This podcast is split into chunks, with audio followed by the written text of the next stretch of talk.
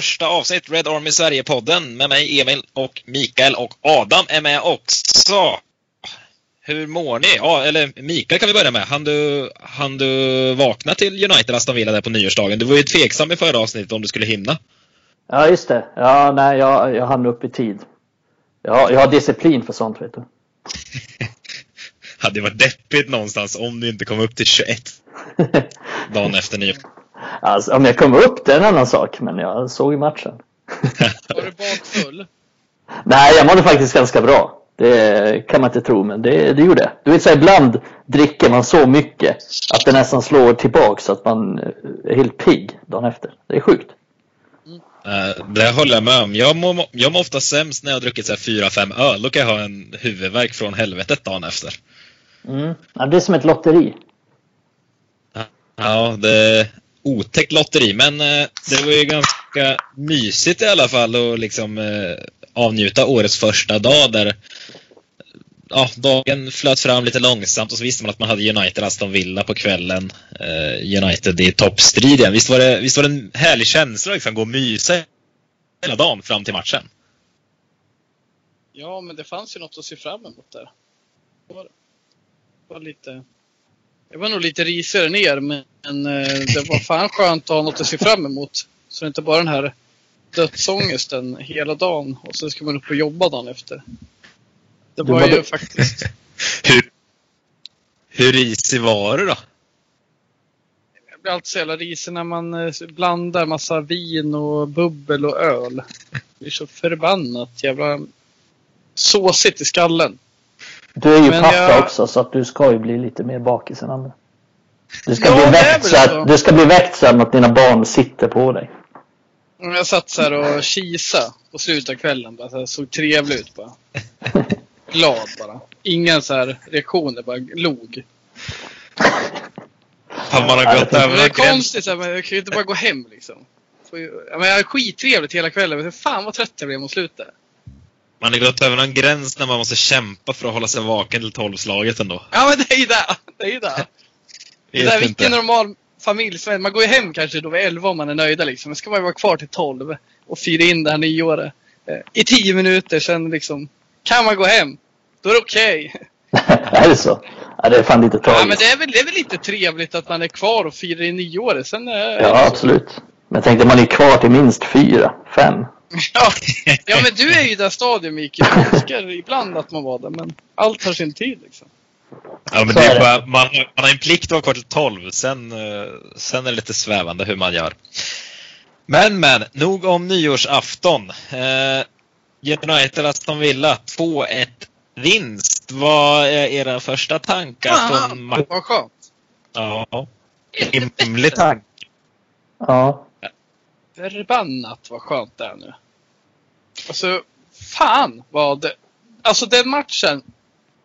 Jag känner att eh, det var någonting speciellt där. Jag tycker inte att... Eh, eh,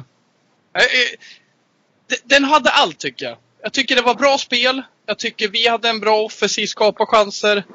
Och de skapar chanser, men vi, vi gjorde det bra defensivt. Och, mm. Alltså den här, jag tycker det är så jävla fantastisk avslutning. När alla omfamnar Bajy. Han får göra den här, eh, lägga den här lilla körsbäret på tårtan. Och bara blockera som han gjorde. Han var värd Han var fantastisk Bajy. Alltså helvete vilken skön avslutning det var. Att han fick göra den brytningen. Ja, det var fan skönare än ett... Det var nästan skönare än det avgörande målet mot Wolves. Alltså den brytningen. Det är inte ofta man känner så över en avgörande försvarssituation. Men så var det nästan. Jag håller med om att det var en, det var en bra match. Ganska underhållen, ganska öppen match.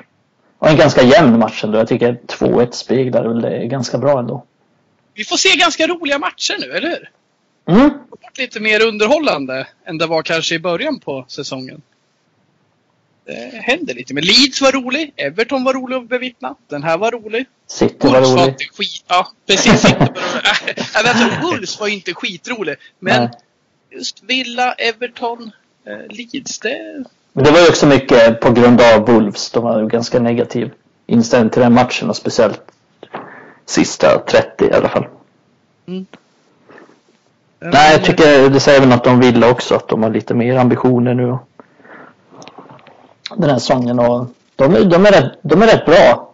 Eh, de hade ju till och med mer bollinnehav, vilket är en sak jag har noterat som är lite oroad över i framtiden. Att United är ganska, ganska svårt att kontrollera den här typen av matcher. Och det tror jag väl att man någonstans måste göra i längden för att kunna ta titeln. Men det funkar ju bra just nu. Ja, för när de... Eh, ja, precis. När vi ska kontrollera matcher. Jag känner väl någonstans att vi, vi kanske har en fördel av, som det ser ut nu också, när lag som Villa och Everton har lite mer bollinnehav än de kanske hade förra säsongen. Vilket öppnar en del ytor för oss. Jag förstår vad du menar på lång sikt, liksom att vi kan kontrollera och känna oss trygga i slutet av matcher. För det skulle sägas att Villa skapar ju en del på slutet. Mm. Det gjorde de ju. Ja, men det, jag tror också att det har ju någonting att göra med vilka spelare vi använder. Till exempel, det är ju mycket Fred och McTominay i, i de viktiga matcherna. Eh, till exempel McTominay var ju inte bra i den här matchen. Och som innermittfältare som spelar ganska enkelt, vilket man får säga att McTominay gör. Han är inte en kreativ offensiv mittfältare som Bruno Fernandes är och han hade bara 71 procent i passningsprocent och slog bara 28 passningar under den tiden han var på planen. Eh, jag tänker bara tillbaks på till exempel så här Carrick och Scholes. Och de spelade ju mycket svårare än vad McTominay gjorde. Slog många fler passningar. Och de hade ju alltid kring 88-90 procent. Men de, det var ju aldrig så att Michael Carrick eller Paul Scholes hade 70 procent i passningsprocent. Under en match. Det där är intressant. Så det är ju... Men det är ju ja. en av dem. Och sen Fred med. För jag tycker Fred är bra. Mm. Han var bra. Jag tycker han har varit bättre i tidigare matcher. Men han, han byggde, han, han skapade sitt värde den matchen. Men han är också en som slog bort mycket passningar mot Villa. Så det är en bra jämförelse. Fred ja. McTominay då mot Carrick Scholes. Men... Ja, precis. Och, och just för att de har ju sina styrkor, Fred och McTominay. Och det är förmodligen rätt att starta dem just nu.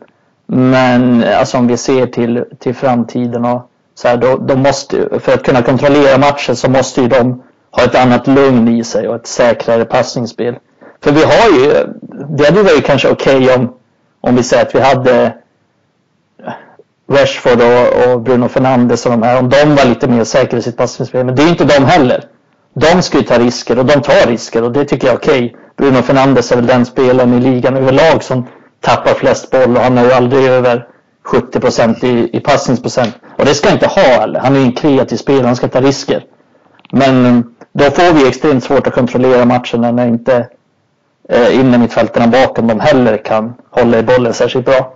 Så det är, det är väl någonting också med att det här laget är ganska ungt och ganska orutinerat i vissa tillfällen. Vilket jag tycker att vi kunde se mot Villa också.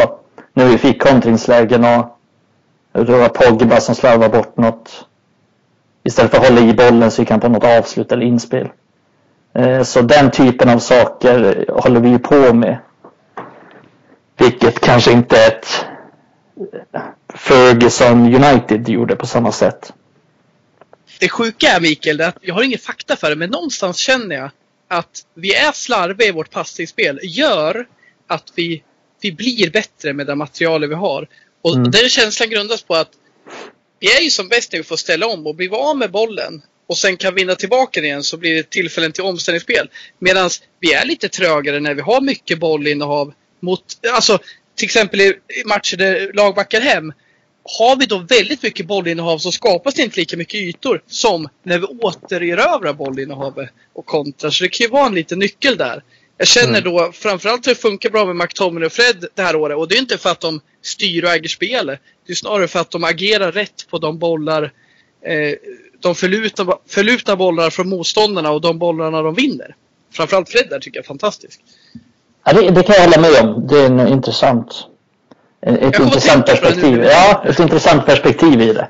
Och det, är det finns väl någon tanke där också. Det är väl därför de spelar också. Det, det blir lite rakare, snabbare spel och vi får fler omställningsmöjligheter. Och det, det går inte att sticka under stolen med. Det gynnar oss. Vi styr bort bollen mer, är det, är det det vi säger? ja. ja, men det ser jag. Alltså... Lite, rå, lite mer, gör boll, bollinnehavet 50-50, det skadar inte. Och jag tycker vi har, vi har lyckats bra med det i i, i många matcher tycker jag att eh, vi, vi har lockat in till det. Eh, istället för att vi har väldigt högt bollinnehav. Jag tycker inte vi haft extremt högt bollinnehav i så många matcher den här säsongen. Eh, faktiskt. Nej. Och det har gynnat oss. Sen varför det blir så, det kan inte jag riktigt förklara men det känns som i segrar mot typ Newcastle, West Ham, där jag trott att de bara ska backa hem så har vi lyckats locka upp dem i planen och det tror jag inte är en slump. Nej, men bo bollinnehav kan jag tycka ibland är lite överskattat i fotbollssnack. Så. Alltså, det blev ju väldigt mycket med Guardiola där när han kom fram i Barca. Att, eh, man ska ha bollen hela matchen i princip. Och de var ju så jäkla skickliga på det så där kan man liksom inte slå ner just i Barca. Men då blev det att alla skulle ta efter det och alla är inte vad Barca var då när Xavi och Iniesta var på sin topp och Messi var där. Alltså, det går inte. Så jag, jag tycker det har blivit lite överskattat. Det är inte fel ibland att liksom, ja, som United i det här fallet, kör på vi är bäst på kontringar och då är inte det fel att satsa på det. Även om det är lite, alltså, det är negativ klang ofta när man pratar om att de här spelar bara på kontring. Men vad fasen, är man bäst på det så är det väl det ganska rimligt tycker jag. Ja men, ja, men så är det Jag ju. kan ta som exempel Crystal Palace under Frank de Boer. Tog in han eh, chipsliraren från Holland, eh, Riedewald från Ajax. De skulle spela total fotboll. Han för fan, han gjorde inte ett mål på fem matcher. De var ju tokkassa. Sen kom det in en tränare som visserligen spelade tråkigare fotboll, men som spelar på deras styrkor. Och det är det där det handlar om. Pep Guardiola tränar ju sina spelare för att spela den modellen och det funkar. Men jag kan irritera mig kanske på tränare som försöker gå utöver materialet. Jag tycker det är fint det de gör i Brighton. Och jag tycker det är kanske rätt på lång sikt. Men jag kan ju också irritera mig på när de inte gör det lättare för sig. Det är en, det är en vågskål det där. Men eh, uppenbarligen det Frank de Boer gjorde i Palace, det var ju lite det var lite ta vatten över huvudet. Så jag håller med det här om att det är överskattat. Det, det handlar ändå om att göra mål och skapa lägen.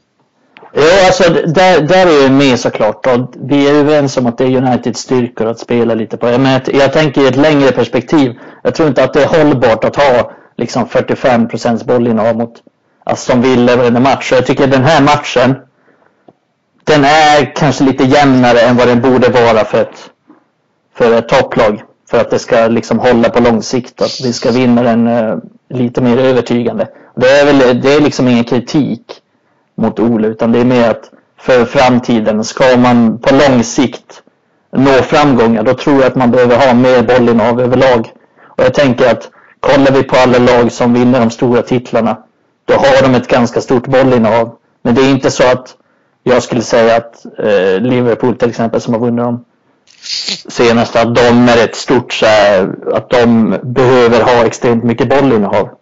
Det är inte deras taktik att de ska ha extremt mycket bollinnehav, men de har det ändå. De dominerar matcherna. Och det är väl någonstans dit jag vill att United ska nå. Det är väl det jag tror att United måste göra för att få långsiktiga framgångar. Men sen ska man inte vara ett liksom så här City Pep Guardiola-lag. Inte alls att man behöver 80 procent, men att man har åtminstone majoriteten av bollinnehav och kan trycka ner motståndarna på ett annat sätt. Typ som Fergie gjorde. Ja, men som ni var inne på där förut också, just inne mittfältarna vi har nu. Ja, men säg om Mc- McTominay och Fred ska starta liksom. Eh, ja, när vi ska ha bästa laget på banan. Ingen av dem är ju särskilt Alltså det är ingen av dem som är spel, vad ska man säga, speldrivaren. Alltså Xavi Iniesta-typen som liksom ska ha Nej. boll och fördela den vidare. Ingen av dem har Så där kanske vi till och med behöver värva en ny spelare. Rent ut sagt en ny innermittfältare som har det i sig. För jag ser inte jättemånga. Så vi har Pogba i bollskicklig liksom, men han eh, drar ju ofta ner tempot snarare liksom. Alltså det, jag tror nästan, jag ser inte att vi har den gubben i truppen faktiskt. Han Nej, är strukturerad också defensivt Pogba. Man skulle vilja ha en spelare som klarar både det defensiva och offensiva. Men ändå har förmågan att eh, slå långa passningar och korta passningar med ackuratess. Eh, som jag nämnde för några poddar sedan. Typ som Sabitzer i Leipzig. Någon som kan styra spelet lite så. Jag håller med. Det, det skulle Mm. vara intressant att få in den dimensionen på en bra trupp. Men att skruva till leveranser lite extra med en sån eh, spelartyp. Ja, det är väl kanske, det är rimligt att anta att Ole skulle kanske spela på det sättet. Om man hade den typen. Mm. Jag har tänkt många gånger till exempel att en peak Michael Carrick skulle vara extremt bra i det här laget för att han är bra defensivt på att täcka ytor. Han kan ta Matic roll men han är även bra på, på att slå mellan linjerna. Och det, jag kan tycka att vi saknar den typen av spelare och att vi har gjort det under en lång tid. Så jag håller med er. Det, vi saknar den typen av skicklig passningsspelare. Kanske en tvåvägsspelare som är bra både defensivt och offensivt. Ja, spännande är det. Men eh, vad säger vi nu då? Ytterligare en seger och igår, eh, det här avsnittet spelar vi in här nu tisdag kväll, men igår såg vi ju Liverpool förlora bort mot Southampton. Jävla gött! Ja! Minst sagt. Men eh, nu är det faktiskt samma ja, nu är det samma poäng och vi har en match mindre spelad till och med. Eh, och det är ju den mot Burnley som vi har i handen på hemmaplan som vi hoppas kunna räkna in tre poäng. Eh, men alltså nu är det ju, det är ju till och med förarsäte på United får man nästan kalla det eller? Men fan att det ska vara Burnley också. Det är detta ständiga Burnley som återkommer. Ja, ja nej men, men, men, eh, men alltså. Jag, jag har ju... Göra allt för att förstöra Men jag har hållit tillbaka lite nu. Käkar kriter inför det ögonblicket? Ja, du mumlar i skägget nu honom. Så. Han häller ner några kriter i sin jävla whiskyflaska. Och sen eh, sveper han den. Och ska pissa på oss. Vad fint det är när du tappar raden. Det liksom spinner iväg. Fan, Deitch är en otäck. Hela ja, Burnley. Jävla otäcka. Ja, det är de verkligen. Men jag, jag har ju hållit tillbaka lite de sista veckorna när vi liksom eh, tagit oss upp mot toppen. För jag har hela tiden känt, ja men lugn och fin här nu. Men alltså nu kan inte ens jag säga något annat än att nu är det fasen titelstrid, även om halva ligan är kvar, ännu mer. Men alltså vi leder med en, eller vi ligger ja, lika många poäng med en match mindre spelad. Alltså det, och vi har ett gynnsamt spelschema framöver också. Liverpool har mycket svårare spelschema. Sen kommer ju i och för sig City bakifrån med enkelt spelschema och så också. Men eh, vad, vad, tror vi? Är det United, Liverpool, City som kommer eh, slåss om det här slutet? Eller tror ni som vissa andra att det är en säsong där vem som helst kan gå och vinna till och med Leicester eller Spurs eller något sånt? Jag tror inte att... Jag håller med om att det är en öppen säsong där de flesta kan slå sig in i toppstriden. Men jag tror inte att till exempel Leicester kan vinna ligan. Det tror jag faktiskt inte. Jag tror att, jag är ganska säker på att det blir Liverpool, United eller City. Jag tror inte någon av de andra lagen håller tillräckligt hög kvalitet över tid. Men det är, det är ändå så här. Det, Leicester har bättre chans att vinna ligan den här säsongen än de hade förra året innan, om man säger så. Ja. Så det är delvis rätt, men jag tror inte att de har det i sig att, och inte Tottenham heller. Och sen är det väl liksom så 15, Everton, Chelsea, Aston Villa. Men det känns som de har ju liksom, alltså Chelsea, de, de har tagit många poäng nu på slutet och alltså, ja. så där känns det som de är redan borta någonstans. Det är för många lag mellan, även om det inte är så många poäng, men det är för många lag emellan liksom. Ja, men de är ju 10 poäng efter United om United vinner mot Burnley. Det är ja. ganska mycket vid det här laget. Ja, såklart. Alltså jag älskar den här känslan just det här med att fan vad jävla mycket det är on stake nu. Alltså varje mm. jävla match hur mycket det betyder. Man är alltid glad när United gör mål, men det känns ju någonting extra nu. För mig har det alltid varit att kliva framåt såklart. Vi ska, vi ska gå framåt.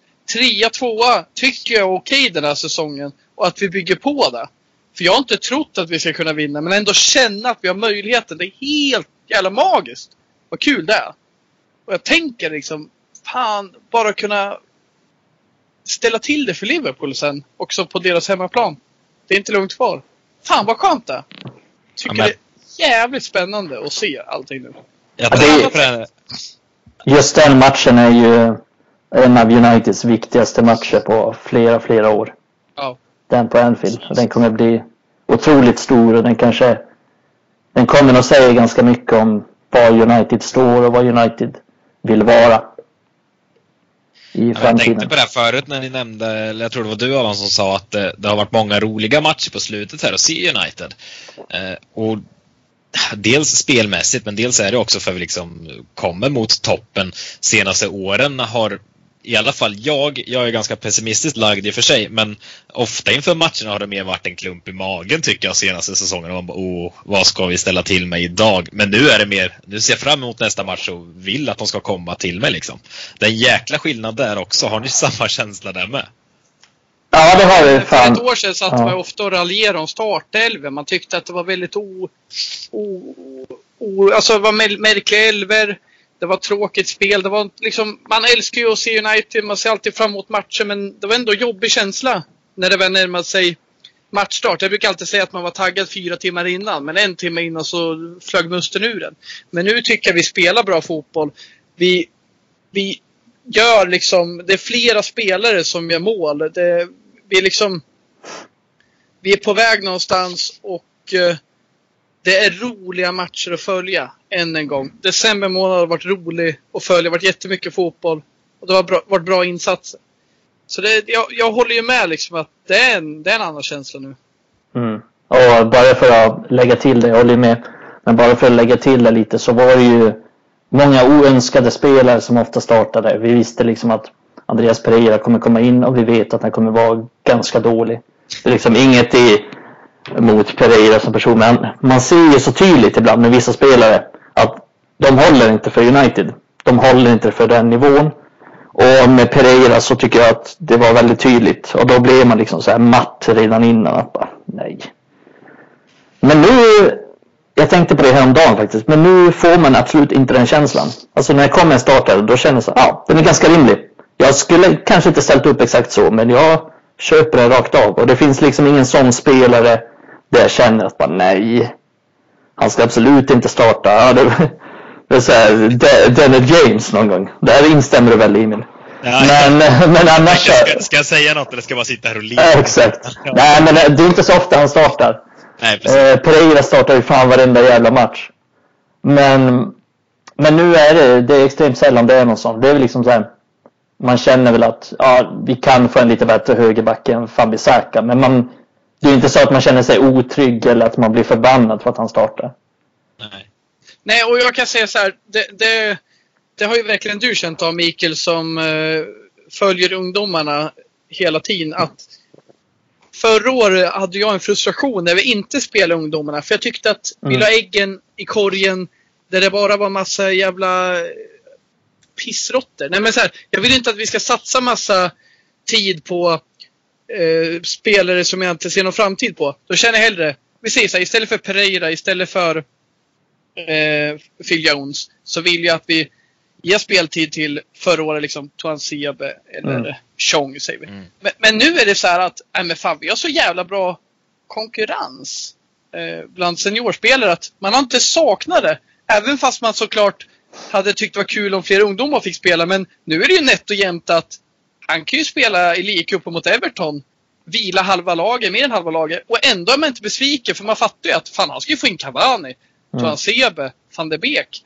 Det får inte plats riktigt med ungdomar i startelvan. På bänken en annan femma.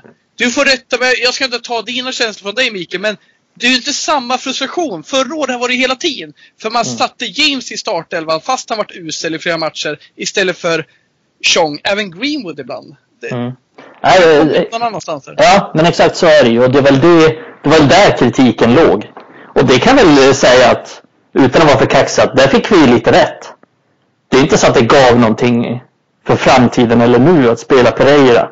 Och, och till och med Lingard, eller James. Det är inte så att någon av dem har blivit bättre eller liksom tagit något kliv till att vara en spelare som eh, konkurrerar den här säsongen heller. Utan det var ju rätt onödigt. Det gick inte bra på något sätt och de bidrog ingenting.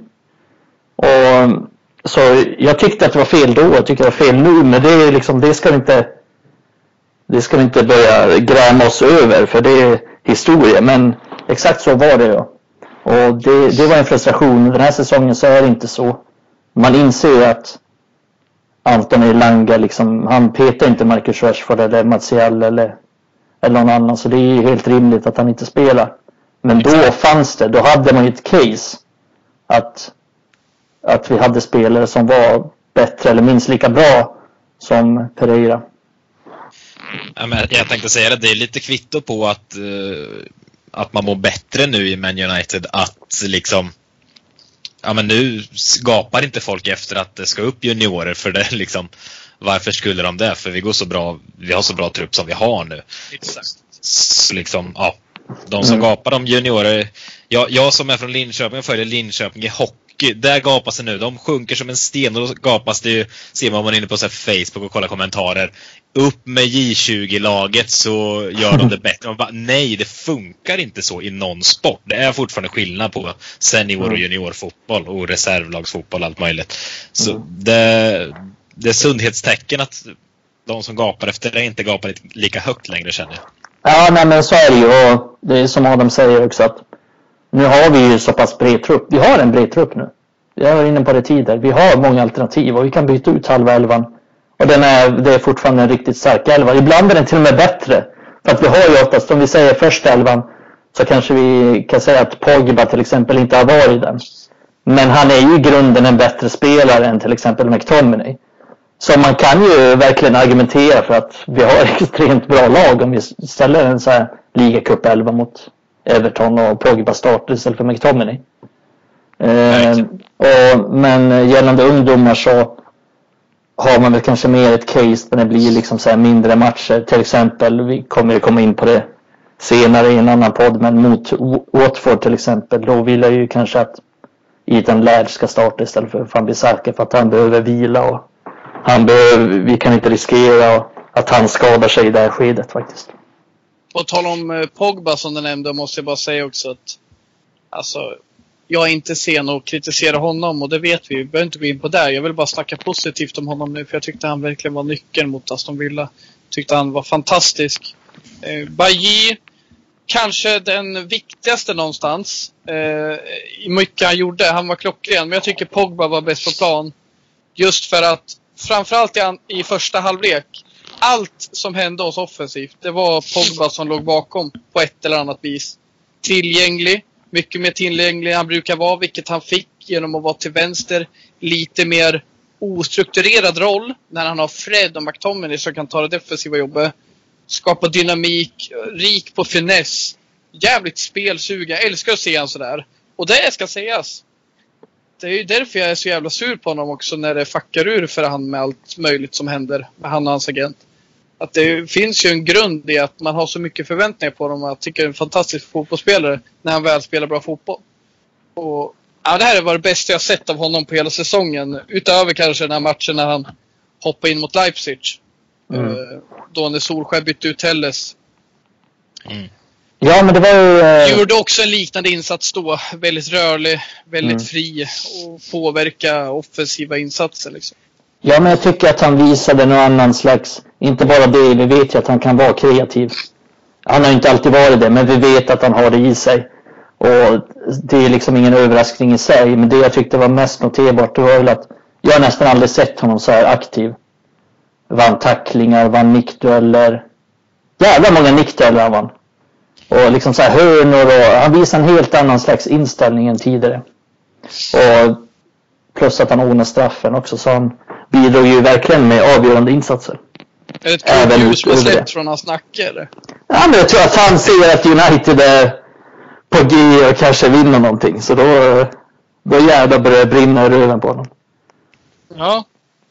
Ja, har varit framme med grillgaffeln. Nej, Vem var, vem var det som hade grillgaffeln innan? Var det Pereira? Du Jag vet snack- inte du det, har men jag, ja, det. jag snackade om grillgaffeln och det kommer ju från när, när vi Valla-grabbar åkte in till Katrineholm och skulle möta KSK. Vad fan är K- eh, du snackar om KSK som att folk skulle veta vad det är. Ja, det kan Katrineholms sportklubb. Och vi, vi går där och ska byta om under Backavallen, berömda Backavallen i Katrineholm. Och då kommer min eh, Katrineholms sportklubbs dåvarande ungdomstränare Benny Örn kommer fram. Som sen kommer bli min tränare eh, i innebandy. Kommer till oss Valla-grabbar. Sen hytter han med en sån här grillgaffel. Man bara, vem fan har en grillgaffel på en fotbollsmatch? Han bara, grabbar, missar ni upp ett mål idag? Då kör jag upp den här röven på er. Säger han till oss tioåringar liksom. Jag bara, shit, vad händer? Fick vi stryk med 9-0. Det var ingen som missade upp ett mål. Men Nej. därifrån kommer grillgaffeln i alla fall. Ja, Det har påverkat dig resten av ditt liv. Ja, ja, jag har ju någon upplevelse som att eh, tränare har en grillgaffel i omklädningsrummet. Jag tar med mig namnet Benny Örn från den där an- anekdoten. Det tycker jag är världsklass. Alltså. Fantastiskt namn. En fantastisk människa. Ja, det kan jag tänka mig. Benny Örn med grillgaffel. Jag ser, en, så här, eld- jag ser en eldsjäl framför mig. Ja. Herregud, vilken profil. Men eh, på tal om eh, bara för att avsluta här senaste matchen mot Villa och, och, tiden som varit här. Vi pratade förut om att vi alla tre skrev under på att man kände lite rädsla, liksom lite vemod inför Uniteds matcher de senaste åren. Visst är känslan nu att uh, nu är det motståndarsupportrar och tränare och spelare och allt möjligt som är lite rädda för att United har börjat braka igång här och då okay. kanske jag främst ja. tänker på Jürgen Klopp. Men ja. det finns väl andra med som det, det, känns som rädslan för United finns, eller hur? Ja, fy fan vad de sitter och darrar nu.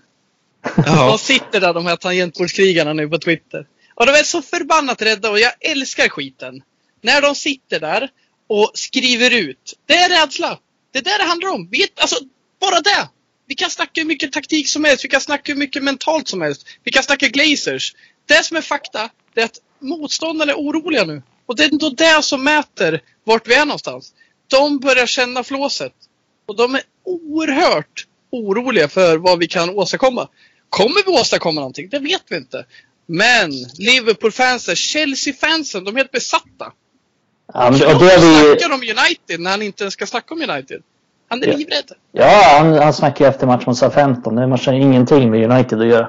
Ändå så drog han upp United. Nej, men det säger väl någonting också, eh, någonstans vart vi är på väg. Och sen får vi väl se vart, vart det landar till slut. Men, men det, är, det är en bra början för United och, och det är bara att instämma i det. Det är många motståndarfans också som när den typen av kommentarer kommer fram då vet man någonstans att det svider lite i dem att United det är som på Fergusons tid, de har domarna med sig och, oh. och det vill vi höra liksom att det är Ferguson-vibbar. Jag vill ju bara att vi ska få fler och fler straffar, fler och fler felaktiga straffar helst också.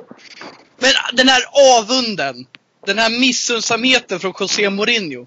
När han mm. sitter där och han bara, ja. Ah. Och så gör Bruno Fernandes mål på straff igen.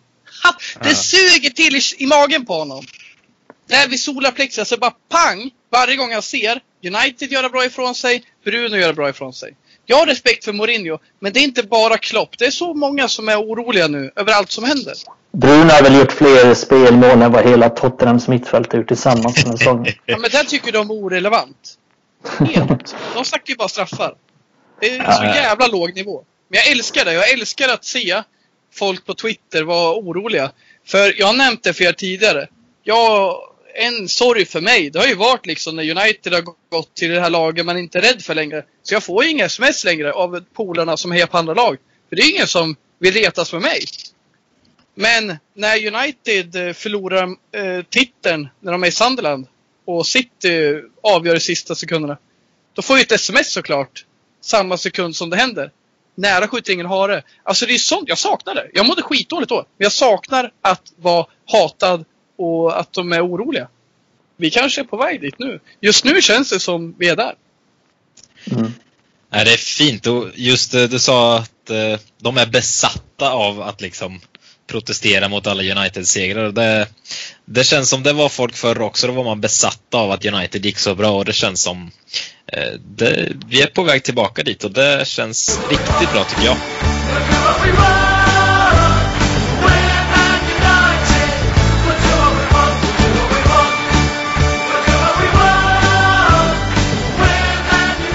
Ja, om vi ska blicka framåt här nu också då så har vi ju lite kuppmatcher som kommer. Först och främst är det imorgon där det är eh, mot City i ligacupens semifinal och sen har vi även Watford på lördag i FA-cupens tredje runda tror jag det är. Eh, Champions League-avsparkstid imorgon, den klassiska 20.45 men onsdag, det gillar jag mot City. Det, det tar jag med mig främst till den här matchen. det bästa med matchen. Ja, det... Fan vad härlig den tiden är. 2045 visst man var... Eh, Vansiel är väl inte ens för den tiden längre? Nej, det är det jag menar. Den, förr var det alltid det. Då visste ja. man om man hade varit iväg på träning eller något så kom man hem. 2045 visste man då var det match. Mm. Ja, det, det försvann för två år sedan. Ja. ja, men nu brukar de köra två matcher vid 19 eller något och sen resten vid 21 va, så de hinner ta slut ordentligt. Ja, precis. TV-pengarna ska in vet du. Ett jäkla påhitt där i alla fall. Så det är skönt att ligacupen eh, backar upp 2045-tiden här. Eh, vad säger vi då inför två kuppmatcher här? Alltså FA-cupen har väl alltid varit den eh, viktigaste kuppen så historiskt sett. Gäller det fortfarande eller främst eftersom vi är framme i semifinalen nu i ligacupen tänker jag och det är derby mot City. Hur, hur ska man liksom väga de här två kupperna mot varandra i ett sånt här läge? Vad tycker ni?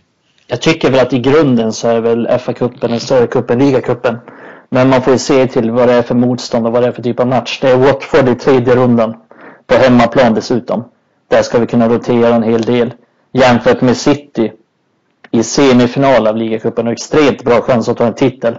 Och också slå ut eh, lokalrivalen såklart. Så att matchen mot City är helt klart viktigare och större. Och, och vi ska kunna rotera mycket mot Watford och ändå gå vidare. Men här, här mot City så måste det vara bästa laget.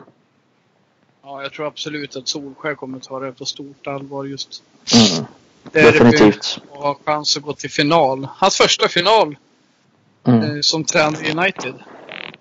Ja, det var mycket, mycket snack om, om just det. Han, han fick ju frågan också på presskonferensen tror jag. Eh, det var det många semifinaler men han har inte tagit United till någon final. Och om det finns någon spärr där och mycket om den här truppen kan vinna någonting och så vidare. och Så vidare. Så att jag tror att han är, han är väldigt sugen på att visa att United kan vinna. Och han kommer definitivt ta den på största allvar. Jag tror han spelar med det absolut bästa laget han kan ställa upp med. Ja, men det borde man väl göra också, för som ni säger, man har en stor chans på en titel här och vi pratade om det sist med, vill jag minnas. Eh, alltså, om den här truppen skulle vinna en titel nu, jag tror det kan vara så sjukt stärkande för eh, alltså många yngre spelare i laget, men även de äldre. Alltså, det hade höjt truppen något enormt tror jag, även om det är bara ligacupen om man får uttrycka sig på så sätt. Så det hade gjort hur mycket som helst tror jag i alla fall. Mm. Han nämnde ju det nyligen i en eh, presskonferens, Solskär. Eh, drog en eh, egen eh, parallell från sin spelarkarriär när eh, Vidic och Evra var nya och när de fick vinna ligacupen. Hur han upplevde det som väldigt viktigt för dem komma in i en vinnarkultur. Eh, komma in i en klubb som vinner mycket och där, eller med många spelare som vunnit mycket historiskt. Eh, det var ju 2006 när de vann ligacupen. Så jag tror alltså, han, han vill ju implementera det på de andra spelarna och få dem att känna det. Och i den här truppen är det väldigt få som är vinnare. Det är ju också som han nämnde i presskonferens, de vinnarna han har egentligen, det är ju Juan Mata och Ma- Nemanja Vidic. Och det är ju inte med United, de har byggt Vidic? den... Eller vad säger jag, förlåt, Nemanja Matic. Ja men alltså vi har Det ju... är bra att du säger till som man... Ja, men titta, vad fan. Jag började tänka så här bara, vi har ju nyligen fått in Fletcher i, i, i tränarstaben, så jag tänkte bara, fan kom Vidic in i samma veva också? Var det något jag missade? jag, jag reagerade inte ens för jag, tänkte, jag har läst om Vidic idag att det var 15 år sedan han kom till klubben eller sånt. Så jag, jag tänkte namnet kändes bara rimligt här. Har du inte hört Micke? Han är ju ny chefscout. Ansvarig för Balkan. jag har inte gjort något ändå. Ja men alltså om vi är inne på titlarna. Både ja och nej. Jag tror att det är viktigt för den här truppen att, att vi vinner en titel. För att det här är något slags lagbygge som är på väg någonstans. Men jag kände ändå med typ såhär Mourinho och van Schaal att fan, varken van Schaal eller Mourinho är någon långsiktig tränare. Och den här truppen vi har under van Schaal till exempel. Det är ingen långsiktig lösning på något sätt. Liksom. Det är inte viktigt för, att Falcao vinner ligacupen. Eh, Förstår ni, förstår ni vart jag vill komma? Och när vi vann de titlarna då kände jag liksom inte att ja, de här titlarna var livsviktiga. Nu är vi på väg någonstans. Men med, med Oles trupp och med Oles stab och med Oles liksom allting. Då känner jag verkligen att ja, nu är en titel viktig. Men då kände jag inte att det var nödvändigt att vi vann någon titel. Men det, det är ju nu nödvändigt i den mån att truppen ska gå vidare och truppen ska få självförtroende. I den aspekten. Och det är ju intressant när vi ändå nämner eh, den här truppen, Oles trupp. Att man kan säga vad man vill om hans taktiska eh, insatser i matcher. Man kan snacka vad man vill om hans höjd och så vidare. Han har gjort ett fantastiskt jobb med den här truppen. Och vi är inte där än liksom. Det är, det är fortfarande på gång. Och det jobbas med. Men som han gjorde förra säsongen, tog oss till tre semifinaler. Man hade önskat att det blev någon seger. Men han gjorde det under en, trupp, eller under en säsong då han byggde truppen och hade påbörjat sitt truppbygge. Som fortsätter den här säsongen. Och vi där nu är, en, är ännu en semifinal. Han har ju lyckats där. Sen kan vi inte vara nöjda med alla spelare och hur det har blivit. Till exempel Fambi Saka hade man önskat på en, en bättre utväxling på. Jag tycker han var bättre förra säsongen än han har varit den här säsongen. Men fan vad intressant det är att se just och vad det här kan innebära för de här spelarna. För Greenwood till exempel. Mm. Och för Bruno. Få vinna sin första titel i United och vad det kan innebära i förlängningen. Alltså det är spännande. Alltså. Ja, det är väl oavsett om vi har, vi har kritiserat Ole ganska mycket. Eh, med rätta tycker jag. Jag tycker vi ska kritisera när han gör saker dåligt och vi ska hylla när han gör saker bra. Man måste kunna se båda sidorna och, och göra det. Men det vi har varit, varit överens om det är väl att truppen eh, byggs på ett bättre sätt än den har gjort sedan Ferguson slutade. Och truppen är, vi har alltid varit positiva till själva truppen. Att den har byggts på ett ganska bra sätt och det finns mycket potential i den. Och det har vi alltid tyckt att där har han gjort ett ganska bra jobb. Även om man inte är felfri. Till exempel tycker jag att värvningen av van Bissaka inte är särskilt bra. Om jag ska vara helt ärlig. Men det går inte att komma ifrån att han har byggt en mer spännande och bättre trupp än vi har fått se på väldigt, väldigt länge. Men eh, inför City här nu då imorgon, Champions League-tiden. Eh, vad tror vi? Ni säger att det är satsa bästa laget. Eh, tror vi att han kör liksom typ 11 från i helgen eh, nu mot City och sen roterar kraftigt mot Watford i FA-cupen på lördag? Eller, för det kommer ju ganska täta matcher. För Burnley är väl direkt veck i veckomatchen efter där och sen Liverpool. Så det, mm. det kommer täta matcher hela tiden, två i veckan hela tiden nu med. Så det måste komma en rotering. Men, men eh, ingen rotering imorgon och rotering på lördag eller vad tror och hoppas ni? Jag, eh, jag vågar inte säga vad jag ska tro på. Det får Mikael säga efter mig, vad han tror, om han tror någonting. Men det jag vill, det är att både Rashford och Martial startar. Jag vill att de, de kan få vila i helgen. Mot uh, Watford. Men jag skulle vilja ha dem på topp. Tycker matchbilden passar dem. Och jag skiter i om det är fembackslinje eller en fyrbackslinje. Men jag vill ha Fred McTominay Bruno centralt. Mm. Bruno i hålet, Fred McTominay ligger och väntar på att vinna bollar. Väldigt löpstarka, bra defensivt. Pogba saknar inte den här matchen men ser gärna han som en addition i andra halvlek om det så kräver det. Jag är jättetrygg med de tre centralt i alla fall. Och jag vill ha Martial och Rashford på topp. Eftersom att Cavani är avstängd så han är inget alternativ. Jag ser inte riktigt att vi kommer sakna Greenwood i den här matchen. Nej, men det saknas väl en spelare där. Om du säger att du ska ha... Eller? Om Nej, säger... men alltså antingen en 4-2-3-1 eller en 5-2-1-2.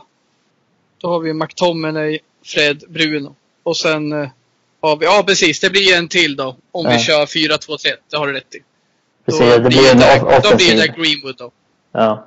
För det kan, finns ju en del alternativ där i Greenwood. James, eller hur Emil?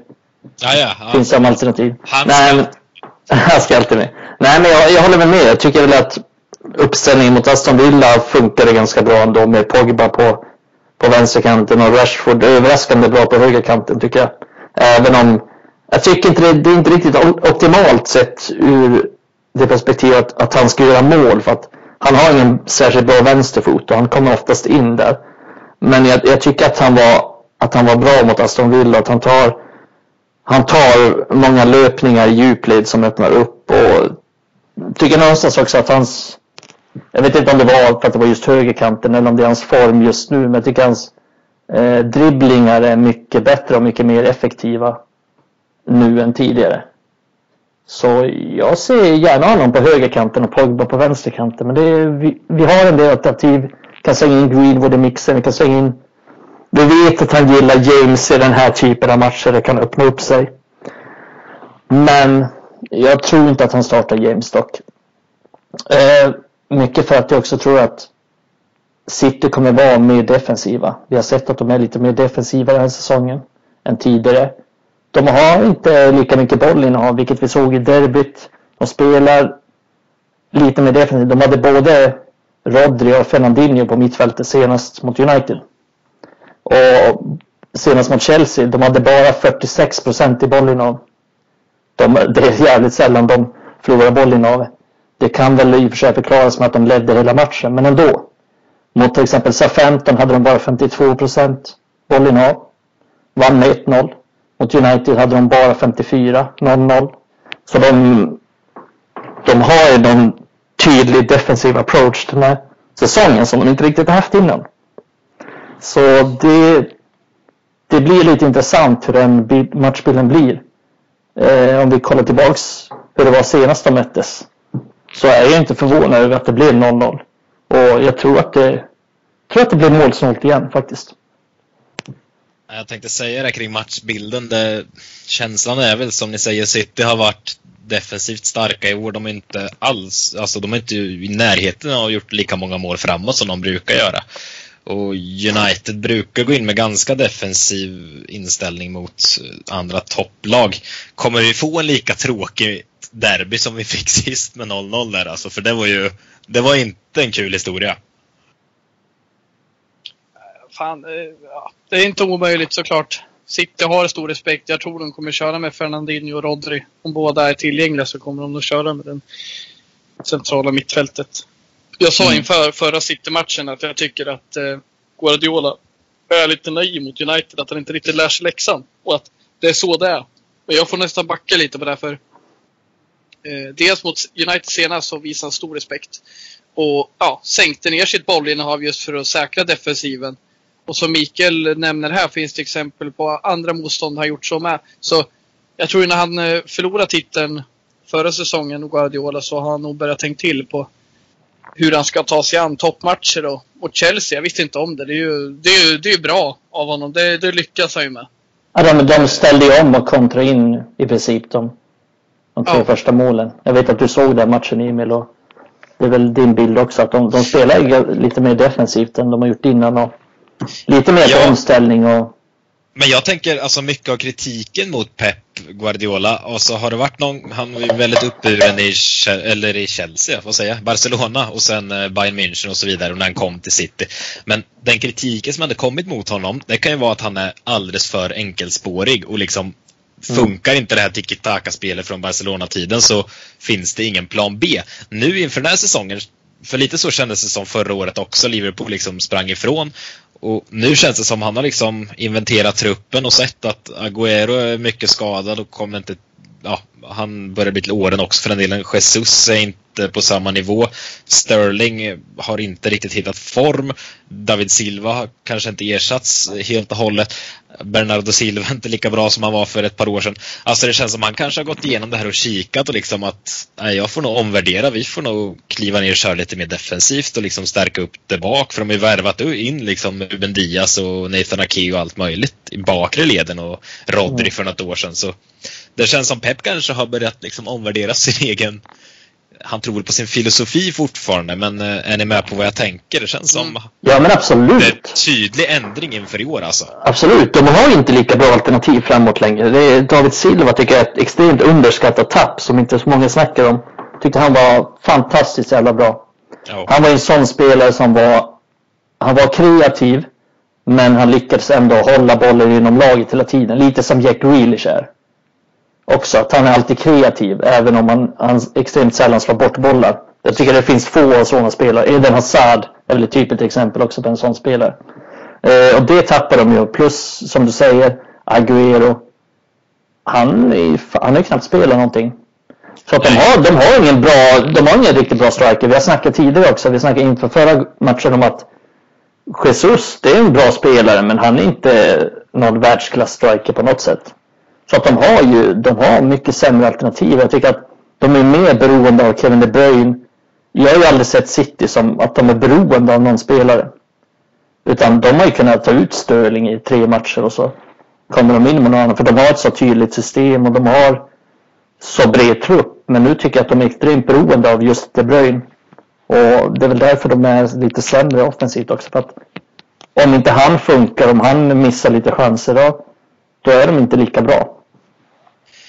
Men tror ni att man tror ni att man nedvärderar City lite i år? För känslan i alla fall, jag vet inte om det har varit så, men min känsla är att nu under hösten är som man liksom, man har snackat om Liverpool som helt jättetydlig eh, favorit till att vinna. Och sen har United seglat upp nu sitter liksom, nej men de har ju varit så dåliga, de har ingen chans. Men nu, nu har ju de häng på toppen, eh, två matcher mindre spelade i ligan. Och alltså de har bara förlorat två matcher på hela säsongen i, i alla tävlingar inräknat här nu. Så mm. alltså undervärderar man dem lite? Har de varit så jäkla dåliga? Det kanske är för att de inte varit så sprudlande som man är van vid, eller vad tror ni? Ja, men jag tror att det, som... ja, jag tror att det är delvis det. Förlåt Adam för att jag snackar så jävla mycket. Jag ska bara säga det sista. Men det är, jag tror att det, det är lite både och. Att de inte har varit så sprudlande. Men också om vi ser till nivån de har hållit de senaste åren så har de ju, alltså, man är ju nästan höjt på ögonbrynen när de har tappat poäng. Och nu har de ändå tappat poäng i ja, nästan hälften av matchen ändå. De har, de har tappat poäng i 7 av 15 matcher. Så att de har inte varit fantastiska resultatmässigt heller. Men de är ju fortfarande med. Alltså de, vinner de sin hängmatch så är de ju bara en poäng efter United. Eh, så jag tror att det, det är någon kombi, kombination av det. Men de är ju, man ska definitivt inte räkna ut dem och jag upplever ju samma som du att folk har redan räknat ut dem. Men det är också för att de, de ligger så här femma, sexa, sjua, åtta som de har legat den här säsongen. Så de har inte riktigt, kollar man på toppen så är inte de, deras namn där uppe. Men de har ju, de har högst höjd i ligan. De har högst höjd av alla. Det har vi sett redan förra säsongen när de slog Liverpool enkelt. De är ett, när de är bra så är de mycket bättre än vad till och med Liverpool var när Liverpool var som bäst. Men de har inte riktigt all, alltid haft den höjden den här säsongen. Och inte förra säsongen heller, så det är väl det de har tappat. De har varit så jävla dåliga defensivt innan. Nu har de ju skärpt till defensivt. De är ju överlägset bäst defensivt den här säsongen. Ja, det är lite lurigt, men det är ju helt klart en, eh, en förändring i alla fall i hur de jobbar där känns det som. Eh, Det blir spännande match där imorgon. Vi ska snacka lite också, vi var inne på det förut, Darren Fletcher har ju, det kommunicerades väl varje dag? Ja, dagarna går så snabbt. Jag vet inte. Igår. Visst var det idag? Igår, igår. ja, ni ser. Darren Fletcher i alla fall, in i ledarstaben, har Solskär plockat in. Eh, vad, vad var första tankarna när det dunkades ut? glädje skulle jag säga. Det är väldigt kul. Eh, med en sån profil. Just eh, att han har jobbat med klubben tidigare. Och att en eh, person man har förtroende för. Har inte så jävla bra koll på hans kompetens. Och det är väl alltid svårt i sådana här roller. Men jag tycker det är glädjande. Det tycker jag. Mm. En kulturbärare och det är en, eh, en vettig snubbe. Som jag tror kan eh, göra mycket nytta. Ja, det är lite intressant. Eh, det är alltid många som har åsikter om... Jag tycker det är spännande för det är så många som har åsikter om typ så här, tränare i staben och så. Men vad vet vi egentligen? Liksom, jag såg lite kommentarer om att Darren Fletcher in, nej jag är fan tveksam, vi skulle behöva en defensiv coach. Men hur fan vet du att Darren Fletcher inte är en defensiv coach?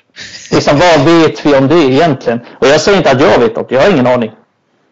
Det, men det är ju lite intressant att folk redan har en förutfattad åsikt om vilken typ av tränare han är baserat på hans spelarkarriär. Ja, Ja, men- den är ju mer förståelig liksom om man om man säger så här liksom, ja, eh, ska Paul Scholes vara, eh, vad heter det, en doff?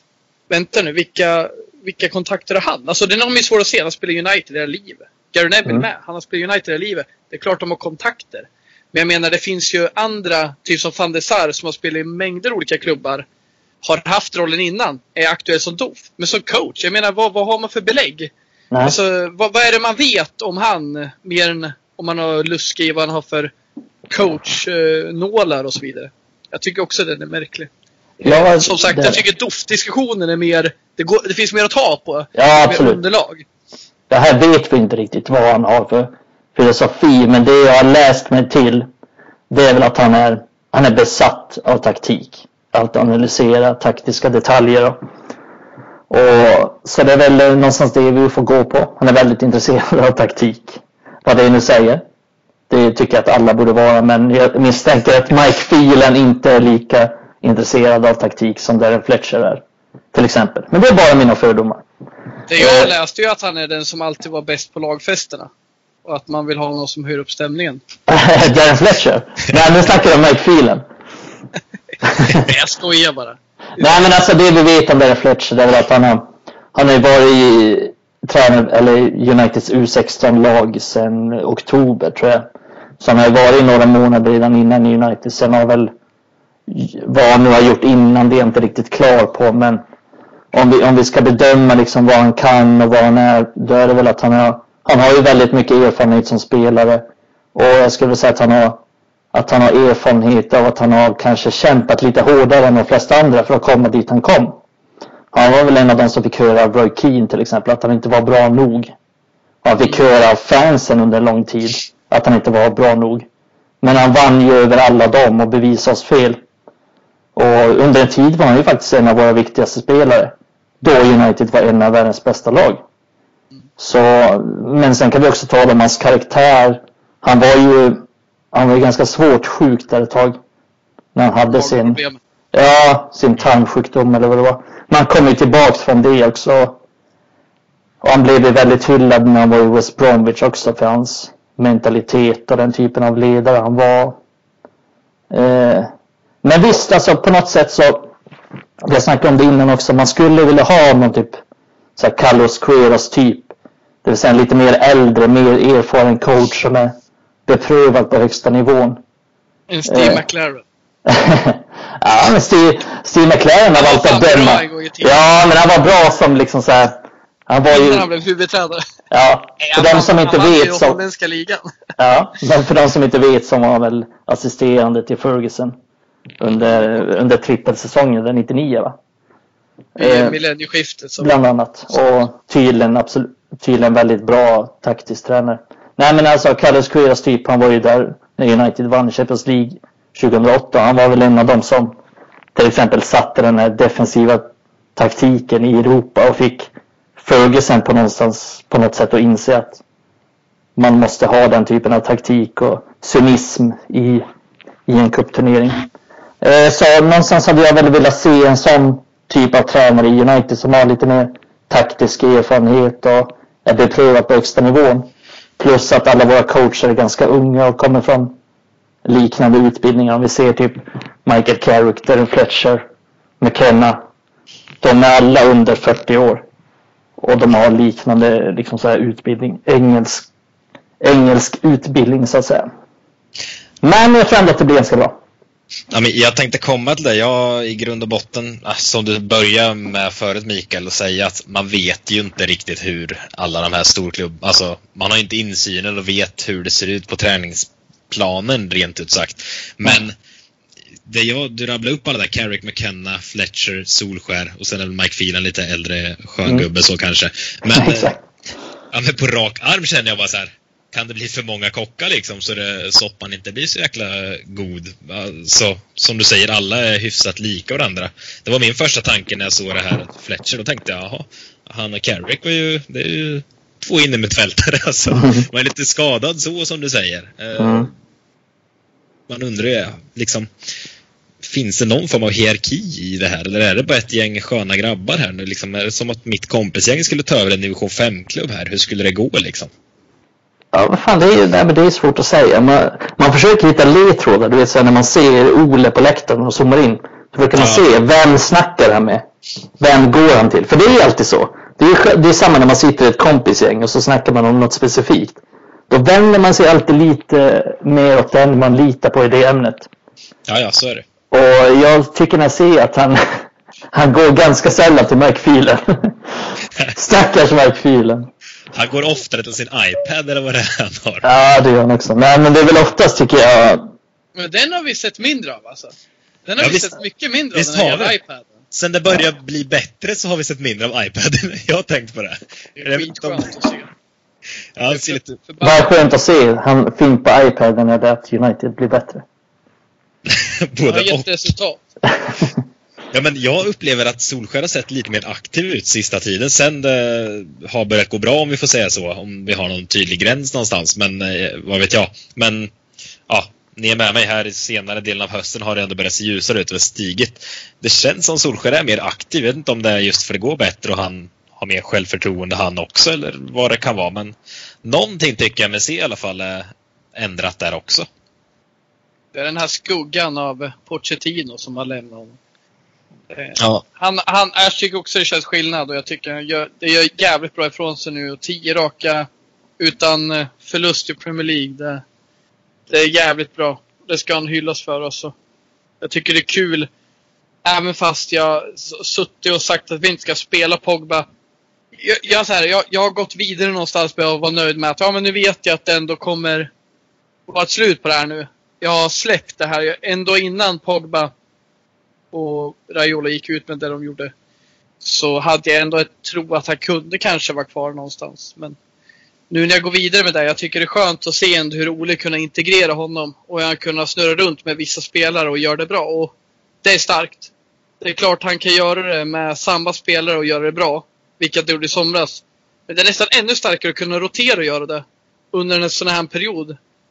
Vi är snart förbi den tuffaste perioden på säsongen och det ser positivt ut. Mm. Det ger ju mer smak alltså. Verkligen. En, en fråga bara som jag kom på på uppstuds här till, vi får se hur, hur den landar. Men med tanke på att Fletcher har kommit in här nu, eh, sen tidigare har vi Carrick, vi har Solskär. Vad, har ni någon så drömspelare som tidigare varit i United som ni skulle vilja ha in i, i klubben på något sätt? Antingen i ledarstab eller liksom styrelserum så. Van der Sar har varit uppe på tapeten förut, men har du något annat namn som känner så här, den här gubben skulle nog ja, höja det här? Roy Keane som VD. ja, varför inte? Ja, vad svårt den här är att svara seriöst på. Jag har lust att göra det, men Jag, jag jag, bara, lust att säga på skol som jag bara, frågan bara kom till mig här nu. Jag har inte själv något namn. Jag bara, någonstans skulle jag vilja in Patrice Evra, men det är mest han är En Nej. drömspelare. Nej, Nu får vi ändå Patrice Evra. från vad är våra största problem. Vi har problem med försvaret. Det har vi. Japp Stam som försvarstränare. Jag tycker fan han gjorde bra ifrån sig i Reading. Och Ja. han tog in en del intressanta unga försvarare och de skötte sig bra där en säsong. Jag tror han har nivån för att höja vårt försvar. Japp Stam. Inte mer. Jag tror inte han kommer bli en bra tränare, men jag tror fan han kommer bli en bra defensiv coach. Det är Han- mitt svar. Han sätter i skräck också med, med hans utseende på tränar, tränarbänken. Ja, men jag tror inte att AVB kommer stå och sova på inläggen. När, när han ser Japp Stam stå där och frusta vid sidlinjen. Det är så här, Lindelöf säger till van Bissaka. Japp är på väg upp ur stolen. Skärp till det du för fan. Nej, men alltså, jag- jag- han i USA någonstans och härjar i MLS, eller har jag drömt det? Känns som jag har hört att han är coach i något MLS-lag. Det kan nog vara. Jag har för mig att han blev presenterad av något lag eh, Ja. nyligen. Och så tog de en bild på någon annan skallig gubbe. Ja, det här har jag hört om. men som inte var Stam. Kan det vara så att han, spel, att han är tränare i FC Cincinnati? Det där googlar du på va? Nej, Nej. jag bara drog fram det ur bakfickan. Så jag fick precis upp det här faktiskt när jag googlade och det stämmer. FC Cincinnati och han eh, tog över 2019 så det stämmer nog där vi... Ja. Han, jag vill få det till att han blev presenterad men med bild på någon annan eh, gammal spelare. eller- någon annan skallig jävel. Nej men alltså, gamla spelare, det, det tar ju bort många ekvationer eftersom fotbollsspelare sällan är särskilt smarta. Ja, det är sant. Eh, men, ja. Nej, jag kom inte på någon så här på rak arm som skulle vara Jag vill ju ha någon klockren. gammal eh, ungdomsspelare. Vill jag ha. Bojan. ha Alan Tate som eh, fystränare.